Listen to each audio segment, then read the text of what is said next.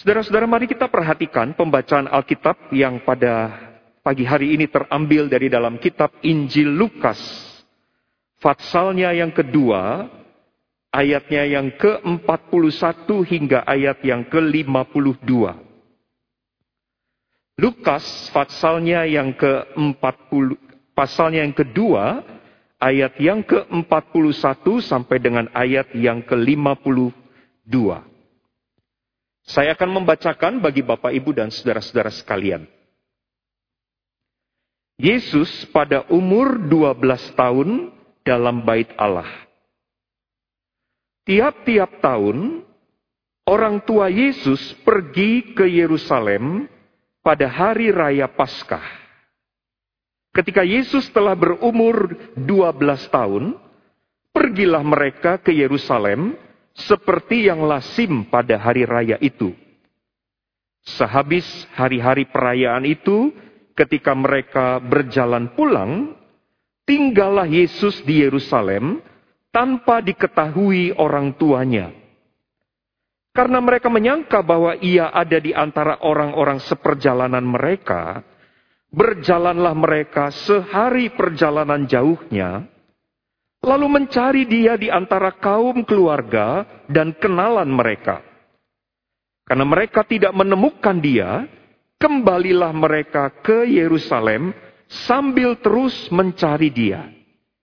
Sesudah tiga hari, mereka menemukan dia dalam bait Allah. Ia sedang duduk di tengah-tengah alim ulama sambil mendengarkan mereka dan mengajukan pertanyaan-pertanyaan kepada mereka. Dan semua orang yang mendengar dia sangat heran akan kecerdasannya dan segala jawab yang diberikannya. Dan ketika orang tuanya melihat dia, tercenganglah mereka, lalu kata ibunya kepadanya, Nak, mengapakah engkau berbuat demikian terhadap kami? Bapamu dan aku dengan cemas mencari engkau. Jawabnya kepada mereka, Mengapa kamu mencari aku? Tidakkah kamu tahu bahwa aku harus berada di dalam rumah Bapakku? Tetapi mereka tidak mengerti apa yang dikatakannya kepada mereka. Lalu ia pulang bersama-sama mereka ke Nazaret. Dan ia tetap hidup dalam asuhan mereka. Dan ibunya menyimpan semua perkara itu di dalam hatinya. Dan Yesus makin bertambah besar dan bertambah hikmatnya dan besarnya. Dan makin dikasihi oleh Allah dan manusia.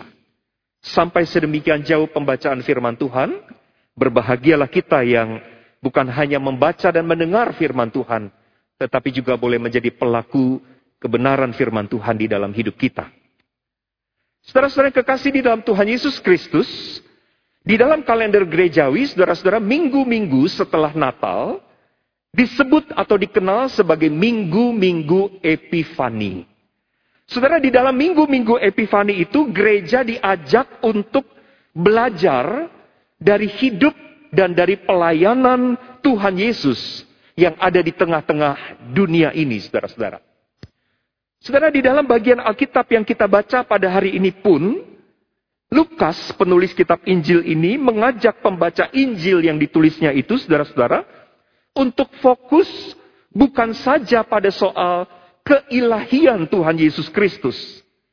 Tetapi Lukas menyoroti sisi kemanusiaan Yesus, sang firman yang telah menjadi manusia itu. Saudara, menarik sekali kalau kita memperhatikan bagaimana Lukas menuliskan Injilnya. Kita melihat di dalam Lukas pasal 2 misalnya, Lukas menceritakan bagaimana peristiwa kelahiran Yesus yang sangat dahsyat itu yang ditandai saudara-saudara dengan hadirnya bala tentara surga yang menyapa gembala-gembala yang ada di padang Efrata. Satu peristiwa yang dicatat oleh Lukas yang mencoba untuk mengekspresikan natur keilahian dari juru selamat yang datang ini.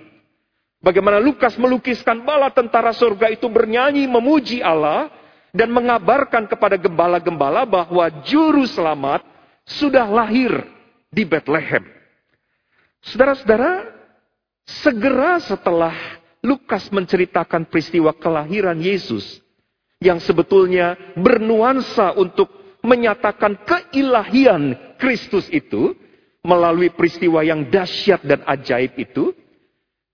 Kemudian Lukas mengajak pembaca Injilnya ini untuk masuk segera melihat sisi lain di dalam diri Tuhan Yesus yaitu natur kemanusiaannya saudara-saudara.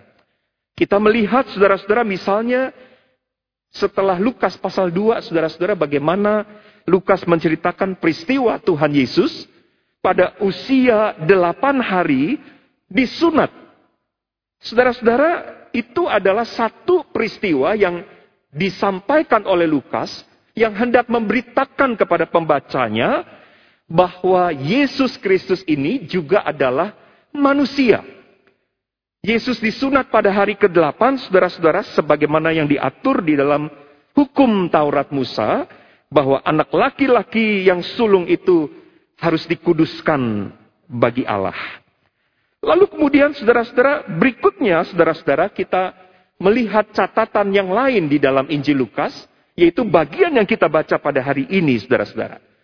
Bahwa Lukas menceritakan tentang Yesus dari sudut natur kemanusiaannya, saudara-saudara, bahwa Yesus itu dikisahkan mengalami satu perkembangan, mengalami satu pertumbuhan di dalam pengertian, di dalam kecerdasannya. Yesus itu mengalami juga pertumbuhan secara fisik. Dan bagaimana relasi Yesus bukan hanya dengan Bapaknya, tetapi juga dengan orang-orang yang ada di sekitarnya, juga mengalami satu pertumbuhan. Saudara-saudara, apa yang hendak ditekankan Lukas melalui tulisannya ini, saudara-saudara, mau mengatakan bahwa Yesus adalah Allah yang menjadi manusia. Allah yang kini menjadi manusia, yang mengalami pertumbuhan, yang mengalami growth, yang mengalami perkembangan di dalam dirinya. Saudara, mengapa data-data semacam ini penting untuk dicatat di dalam Alkitab? Tentu maksud utamanya saudara-saudara adalah yang pertama untuk membuktikan bahwa Yesus Kristus adalah benar-benar manusia secara otentik. Saudara kalau kita membaca di dalam Alkitab, di bagian-bagian Alkitab yang lain, diceritakan bagaimana Yesus, Allah yang menjadi manusia itu, saudara-saudara, juga bisa mengalami apa yang seperti yang saudara dan saya alami. Yesus bisa merasa lapar, haus, sedih, menangis, dan sebagainya, saudara-saudara. Bagian-bagian Alkitab yang lain, termasuk apa yang ditulis oleh Lukas pada pagi ini, mau menceritakan atau mau menekankan bahwa Yesus sungguh-sungguh menjadi manusia. Allah yang sungguh-sungguh menjadi manusia yang otentik. Nah tujuan yang kedua, saudara-saudara, saya berpikir mengapa Lukas mengekspos sisi kemanusiaan Yesus ini, saudara-saudara. Saudara, tidak lain adalah untuk menyatakan bahwa Allah sebetulnya bukan saja tertarik pada sisi kerohanian atau sisi spiritualitas seorang manusia. Tetapi Allah, saudara-saudara, juga tertarik kepada sisi kemanusiaan. Atau Allah itu memberi perhatian, saudara-saudara, supaya seluruh aspek hidup kita, seluruh aspek diri kita sebagai manusia, mestinya mengalami satu pertumbuhan. Saudara, kadang-kadang kita secara timpang suka memberikan penekanan yang tidak seimbang, saudara-saudara. Kita selalu berpikir bahwa yang harus mengalami pertumbuhan adalah sisi kerohanian kita. Betul. Yang harus mengalami pertumbuhan adalah sisi spiritualitas kita. Benar, itu tidak salah. Tetapi saudara-saudara, ketika Alkitab mencatat catatan-catatan tentang kemanusiaan Yesus Kristus, sebetulnya juga mau berkata kepada kita bahwa Allah rindu supaya faktor-faktor di dalam diri kita yang bukan termasuk area kerohanian misalnya, itu pun juga harusnya mengalami pertumbuhan. Harusnya mengalami growth. Bagi Allah, saudara-saudara, pertumbuhan di dalam area-area fisik, di dalam area-area kemanusiaan kita, sama pentingnya dengan pertumbuhan di dalam spiritualitas kita. Saudara-saudara, secara khusus pada bagian Alkitab yang kita baca pada hari ini, saudara-saudara, Lukas mencatat pertumbuhan dan perkembangan yang terjadi di dalam diri Yesus sebagai manusia. Saudara, kalau kita tahu, Lukas ini kan seorang tabib. Dia adalah seorang dokter, saudara-saudara. Dan dia sangat tertarik pada informasi-informasi tentang kemajuan yang dialami oleh Yesus sebagai manusia. Oleh karena itu, saudara-saudara, Lukas mencatat bahwa Yesus mengalami perkembangan atau pertumbuhan secara fisik. Yesus mengalami pertumbuhan secara mental, bahkan di dalam intelijensinya. Dan kalau kita melihat latar belakang ini, saudara-saudara Lukas sebagai penulis satu kitab, Lukas kan juga penulis kitab kisah para rasul, saudara-saudara. Yang merupakan genre sejarah. Kita tahu bahwa Lukas sebagai orang yang menulis satu tulisan yang bergenre sejarah ini sangat teliti. Dia menyajikan data yang sangat akurat data yang sangat detail tentang informasi yang ingin disampaikan. Demikian juga ketika dia berbicara tentang Yesus, saudara-saudara. Lukas itu memperhatikan keakuratan data yang disampaikan tentang Yesus. Dia memotret aspek-aspek yang terjadi, yang bertumbuh, yang berkembang di dalam diri Yesus. Sesuatu yang tidak dipotret oleh penulis-penulis Injil yang lain. Jadi kalau kita melihat saudara-saudara, bahwa catatan mengenai pertumbuhan atau perkembangan Yesus secara manusia ini hanya dicatat di dalam Injil Lukas, saudara-saudara. Nah, saudara-saudara, ada satu kalimat bijak yang saya ingin ajak saudara untuk ingat kembali, mungkin saudara sudah pernah mendengarnya. Kalimat bijak yang mengatakan bahwa perkembangan di dalam diri kita tidak ditunjukkan semata-mata hanya melalui pertambahan usia. Kalimatnya bunyinya begini. Banyak orang bertambah tua, tetapi belum tentu bertambah dewasa. Saya ulang. Banyak orang bertambah tua, tetapi belum tentu bertambah dewasa.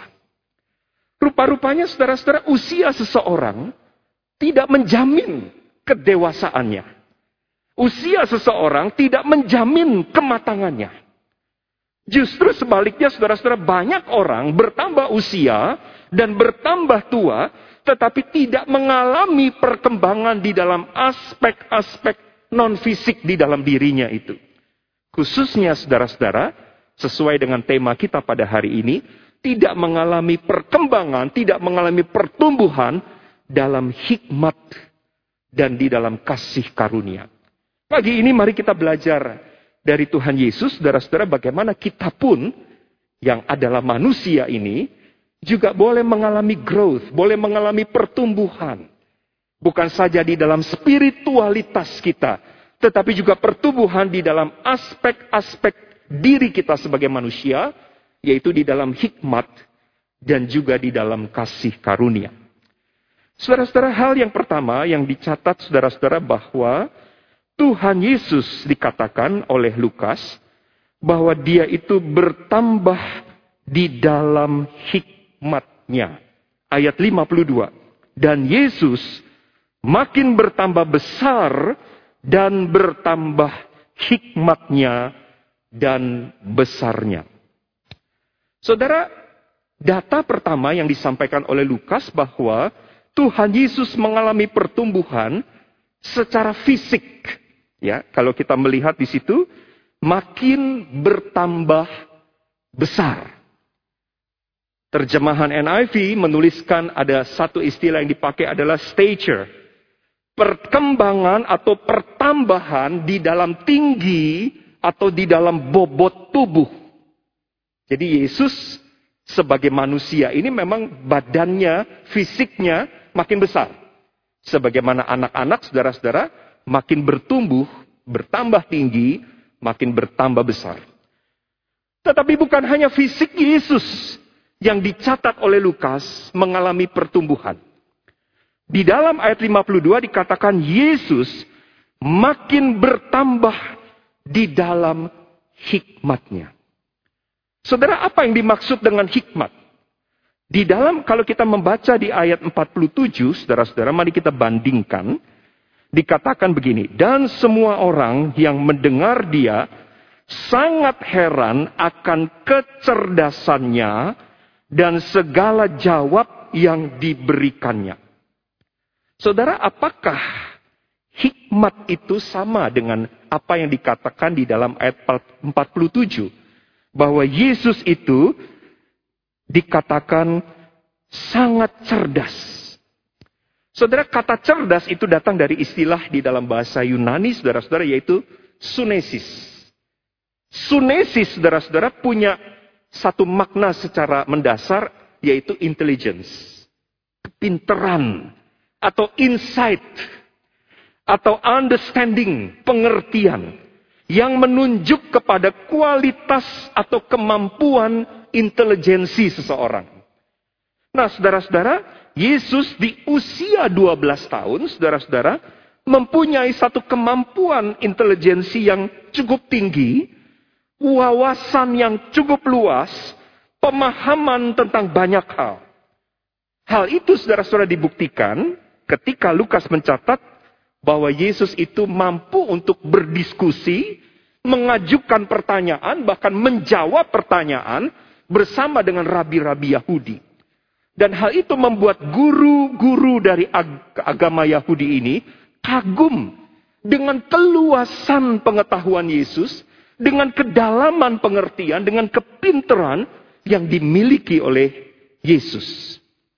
Tetapi saudara-saudara, ketika Lukas juga mencatat kata hikmat, ini bukan berbicara tentang kemampuan intelijensi atau kepinteran atau wawasan Yesus yang sangat luas. Saudara, hikmat tidak sama dengan pengetahuan atau pengertian atau kepandaian. Istilah yang dipergunakan bagi kata hikmat di dalam bahasa Yunani dipakai kata Sophia, bukan sunesis.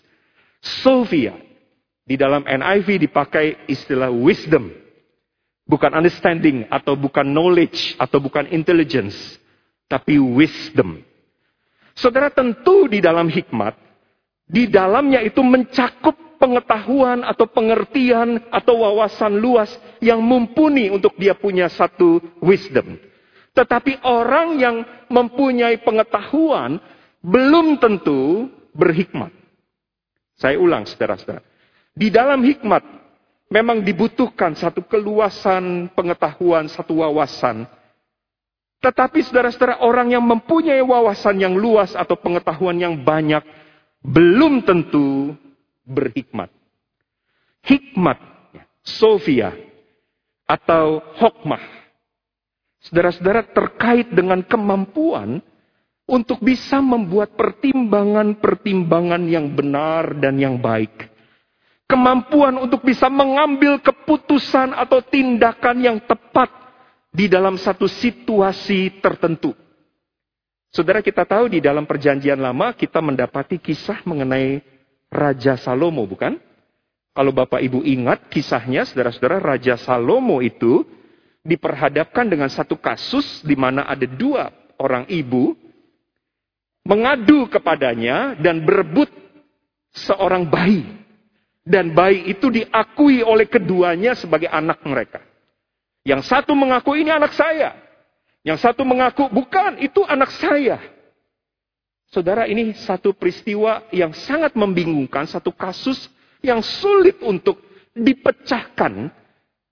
Bagaimana Salomo sebagai seorang raja harus mengambil sebuah putusan. Yang dibutuhkan di sini bukan cuma pinter. Yang dibutuhkan di sini bukan cuma inteligensi atau wawasan yang luas. Yang dibutuhkan di sini adalah hikmat mengambil pertimbangan-pertimbangan apa yang baik yang harus aku lakukan di dalam situasi ini. Apa yang harusnya aku putuskan. Lalu kemudian mengambil tindakan dan tindakan itu adalah tindakan yang tepat. Saudara-saudara, Yesus dicatat oleh Lukas bertumbuh secara fisik, intelijensi atau pengetahuan atau wawasannya juga semakin luas, tetapi Yesus juga bertumbuh makin bertambah-tambah dalam hikmatnya, dalam kemampuan untuk membuat pertimbangan-pertimbangan, bahkan dalam kemampuan untuk mengambil keputusan yang tepat, yang benar pada satu situasi. Saudara, di dalam konteks pengajaran Rasul Paulus, saya melihat hikmat itu dihubungkan dengan kemampuan seseorang untuk mengenali kehendak Allah. Kalau kita membaca di dalam Roma 12 ayat 2, dikatakan supaya kamu mengerti kehendak Allah. Kamu bisa menimbang apa yang baik, memilih apa yang berkenan kepada Allah, dan yang sempurna. Saudara, sehingga hikmat itu akan membuat seseorang yang memilikinya bukan hanya terlihat pinter. Memang orang yang berhikmat akan terkesan orang ini adalah orang pinter, tetapi hikmat bukan hanya menunjukkan tentang kepinteran atau tentang intelektual seseorang atau wawasan yang luas yang dimiliki seseorang, bukan.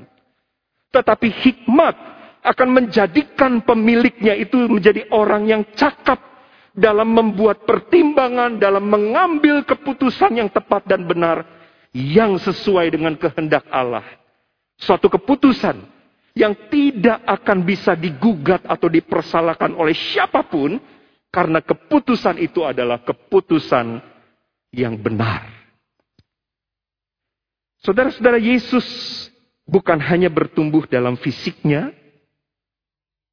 dalam kepandaiannya, tetapi juga dia mengalami perkembangan dalam hikmatnya. Dan hal itu dibuktikan saudara-saudara kalau kita melihat di dalam hidup dan pelayanan Yesus, bagaimana ketika Yesus bersoal jawab dengan orang-orang yang mau mencari kesalahan pada dirinya. Bagaimana ketika Yesus berhadapan dengan orang-orang yang mau menjatuhkan dia. Bagaimana Yesus berhadapan dengan iblis yang mencobai dia ketika bahkan ketika orang menyanjung-nyanjung dia, ketika dia dijebak untuk menghukum perempuan yang kedapatan berbuat jinah misalnya. Dalam hikmatnya, dalam bijaksananya itu saudara-saudara, Yesus berkata dalam kasus Yohanes pasal 8 tentang perempuan yang berbuat zina, kalau kalian tidak pernah berbuat dosa, silahkan dia yang pertama kali melempari perempuan ini dengan batu. Hikmat.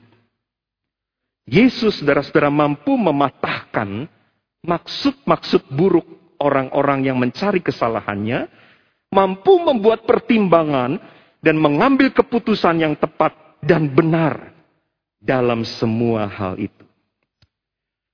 Saudara-saudara, bagaimana dengan kita? Umur kita makin bertambah. Kita yang sudah dewasa ini secara fisik makin besar. Sudah besar apalagi di masa pandemi ini saudara-saudara ya, makin besar. Saudara secara fisik kita bertumbuh, mungkin saudara-saudara kita studi dan membuat kemampuan intelijensi kita ini atau pengetahuan yang kita miliki atau wawasan yang kita punya makin luas. Pengetahuan yang kita punya makin banyak. Tetapi saudara-saudara, apakah saudara dan saya juga bertumbuh di dalam hikmat. Hikmat yang membuat kita mampu membuat pertimbangan. Dan kemudian mengambil sebuah decision yang tepat dan benar dalam segala situasi. Misalnya saudara-saudara, ketika satu kali saudara ada di jalan raya, ya, mungkin ada orang memotong atau menyalip mobil atau kendaraan yang kita tumpangi. Mungkin kita akan tersulut emosinya. Tetapi saudara-saudara dalam keadaan kita marah. Dalam keadaan kita tersulut emosinya. Apakah kita akan terbakar emosi kita itu dan kemudian melakukan hal-hal yang bodoh. Ada banyak saudara-saudara orang di dalam emosinya yang tidak terkontrol, akhirnya melakukan satu hal yang bodoh. Ketika kita disanjung, apakah kita akan melambung? Atau saudara-saudara kita tahu bahwa kita ini cuma alat di dalam tangan Tuhan dan tidak perlu menjadi sombong. Ketika kita digoda, apakah kita sadar bahwa di hadapan kita ada satu bahaya yang sangat besar dan karenanya kita mawas di dalam situasi-situasi seperti itu. Di dalam hikmat kita sebetulnya tahu kapan kita harus bicara dan kapan kita harus diam. Di dalam hikmat kita tahu bahwa apa yang harus kita lakukan pada situasi-situasi tertentu yang diperhadapkan kepada kita. Saudara, saya teringat satu perkataan yang sangat terkenal yang dikatakan oleh Martin Luther King Jr. Memang dia berbicara dalam konteks pendidikan karakter, saudara-saudara. Martin Luther King Jr. berkata begini, Be careful of your character, for your character becomes your destiny. Hati-hati dengan karaktermu, karena karaktermu itu akan menentukan nasibmu. Dan saya pikir betul perkataan ini. Dan ketika saya membaca bagian ini dan merenungkan tentang hikmat, kalau boleh diganti kata karakter itu dengan wisdom, hati-hati dengan hikmat yang ada pada kita. Ya. Apakah kita berhikmat atau tidak? Sebab hal itu akan menentukan nasibmu. Kadang-kadang saudara-saudara apa yang terjadi pada diri kita terjadi oleh karena kita kurang berhikmat. Tidak bertumbuh di dalam hikmat kita. Badan kita makin besar, umur kita makin banyak, tetapi kita tidak menjadi semakin bijak.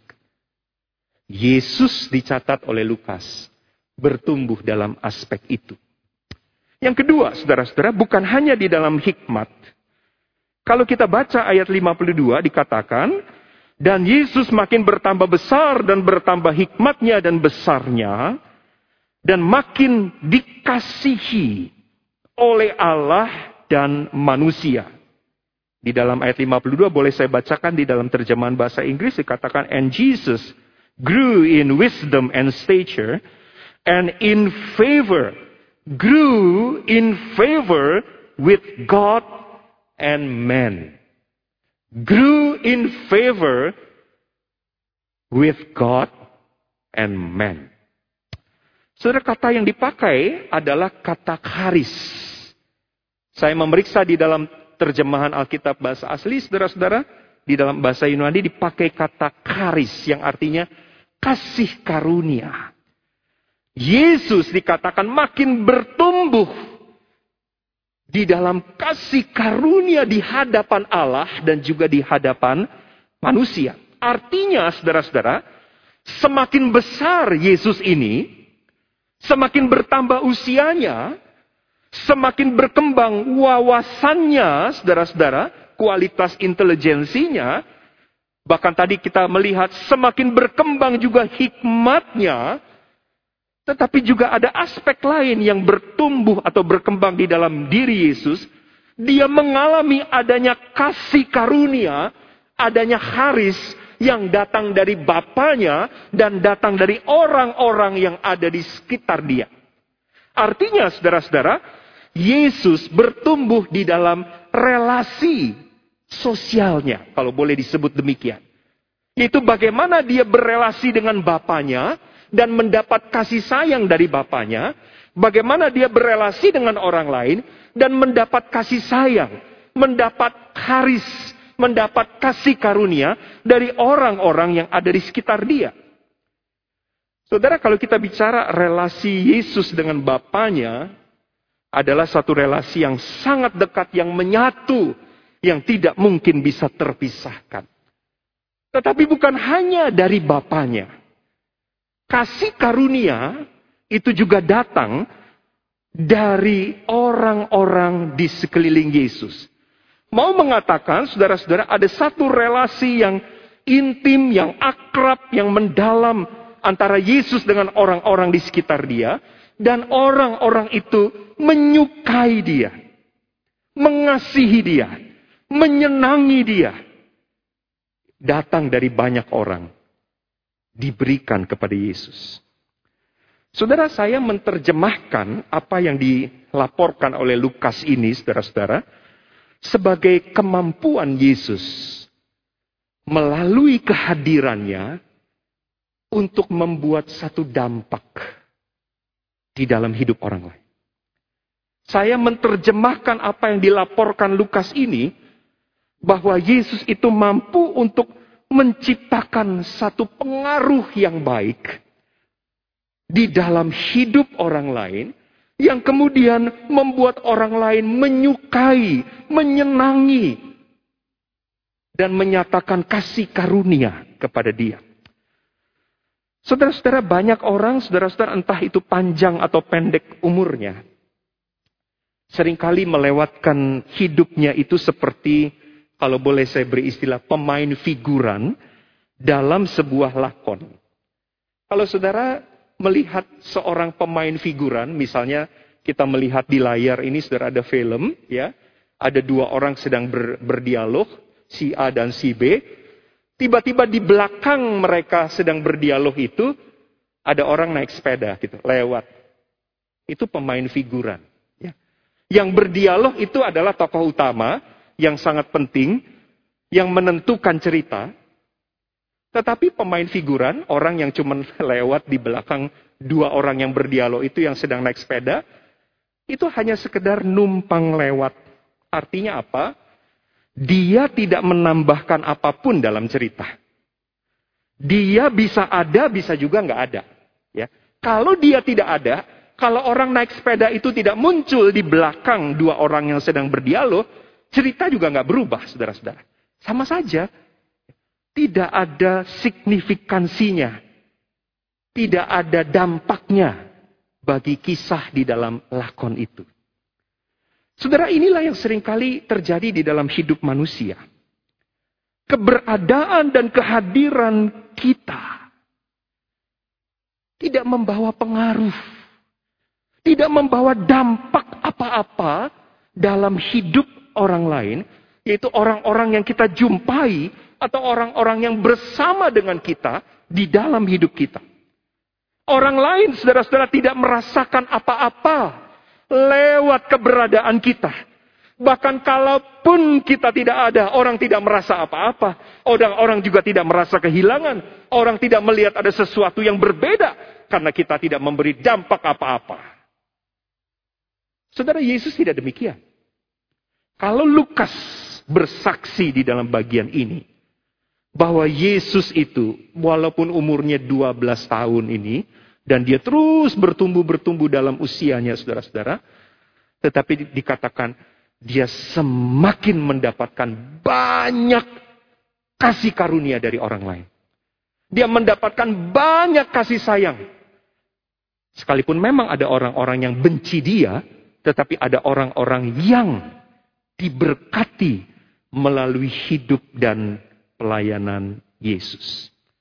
Hidup Yesus berdampak bagi orang lain. Saudara, kalau kita melihat Yesus umurnya itu cuma 33 setengah tahun.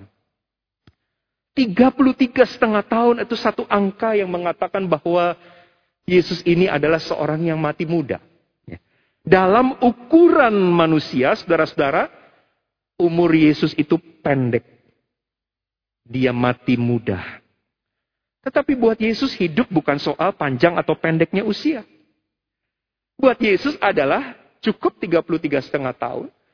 Tetapi goresan kasih, pelayanan, sentuhan, perhatian, bahkan pengorbanan terbesar di atas kayu salib. Itulah yang mewarnai kehidupan banyak orang. Itulah yang berdampak di dalam hidup banyak orang. Itulah yang membuat bahwa tanpa Yesus, cerita pasti berbeda. Saudara-saudara, setidaknya perempuan Samaria di pinggir sumur, kalau kita membaca di dalam Yohanes pasal 4, ya, bagaimana perempuan itu yang tadinya tidak mengerti arah hidupnya, yang memang hidup di dalam dosa karena Tuhan mengatakan dia punya banyak suami. Lalu hidupnya diubahkan bahkan menjadi misionari dalam tanda kutip. Dia memberitakan bahwa Mesias ada kepada teman-temannya. Setidaknya saudara-saudara, wanita yang sakit pendarahan itu. Ketika menjamah Yesus. Atau ketika Yesus mengatakan sembuh. Hidupnya berbeda karena Yesus menjamah dia. Setidaknya orang lumpuh, orang buta, Sakius si pemungut cukai, hidup tidak pernah sama ketika Yesus datang di dalam hidupnya. Nikodemus sang pencari kebenaran, bahkan di momen-momen terakhir, penjahat yang di sebelah salibnya pun mendapatkan kasih karunia dari Tuhan Yesus. Saudara-saudara, betapa luar biasanya Lukas mencatat bagaimana hidup Yesus. Bertambah besar, bertambah pintar, bertambah hikmatnya, tapi hidup yang makin berdampak buat banyak orang. Saudara Tuhan izinkan saudara dan saya masuk di lembar kehidupan tahun yang baru ini. 2022. Satu kesempatan. Satu tahun lagi umur saudara dan saya ditambahkan atau diperpanjang oleh Tuhan di tahun ini. Sesuatu yang tidak semua orang mendapatkannya di masa pandemi. Kalau saudara ingat ketika varian Delta mengamuk, ada sekian banyak orang tidak bertahan dan tidak mampu melewati tahun 2021. Tapi saudara dan saya dikasih sama Tuhan. Masuk di tahun 2022 ini. Coba mari kita pikirkan saudara-saudara. Kalau ada waktu setahun lagi ini di tahun ini, kira-kira dampak apa yang aku bisa berikan lewat hidupku? Pengaruh apa yang bisa aku berikan, yang bisa aku ukir di dalam hidup orang lain semasa hidupku? Apakah itu pengaruh yang baik? Apakah itu satu dampak yang indah yang orang akan merindukannya, mengenangnya, bahkan ketika satu kali kita sudah tidak lagi hidup di dunia ini? Tahu saudara-saudara, jangan-jangan hidup kita, kemungkinan pertama, tidak berdampak. Seperti pemain figuran yang hanya numpang lewat, tapi tidak pernah mengubah cerita. Atau yang lebih parah lagi, jangan-jangan justru dampaknya adalah adalah dampak atau pengaruh-pengaruh yang sangat menyakitkan. Mungkin hidup kita seperti kalau kita ibaratkan metaforanya ada seperti pohon kaktus yang berduri, yang banyak menyakiti orang lewat tutur kata, lewat perbuatan, lewat sikap kita. Saudara, pagi ini firman Tuhan mau mengajak kita, ayo kita bertumbuh. Jangan hanya bertambah tua, jangan hanya bertambah besar, tapi bertumbuh dalam wisdom dan di dalam kasih karunia. Amin. Mari kita berdoa, saudara-saudara. Tuhan terima kasih untuk waktu di mana kami boleh merenungkan firman-Mu. Satu bagian yang mengingatkan bahwa Allah yang menjadi manusia telah menjadi role model buat kami manusia. Bagaimana kami bukan hanya harus bertambah besar di dalam fisik, bertambah banyak di dalam usia, tetapi supaya kami juga boleh mengalami growth di dalam hikmat dan di dalam kasih karunia. Tuhan meteraikanlah kebenaran firman-Mu. Ketika hamba selesai berbicara, biarlah kiranya roh kudus Tuhan terus menggemakkan kebenaran firman Tuhan di dalam hati kami. Supaya kami boleh menjadi pelaku-pelaku dari firman Tuhan. Demi Kristus kami berdoa. Amin.